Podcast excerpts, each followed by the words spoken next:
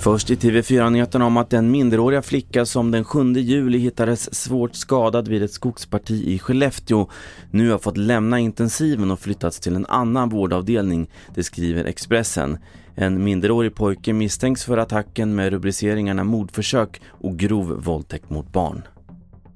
I Syrien uppges sju människor varav fyra barn har dödats i ett ryskt flyganfall i en rebellkontrollerad del av Idlib-provinsen nu under morgonen.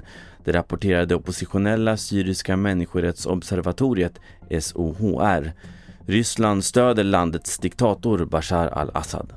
Och sist om att personer över 40 år kan dricka mer alkohol än de under 40 innan hälsan tar skada. Det visar omfattande forskning från University of Washington i Seattle.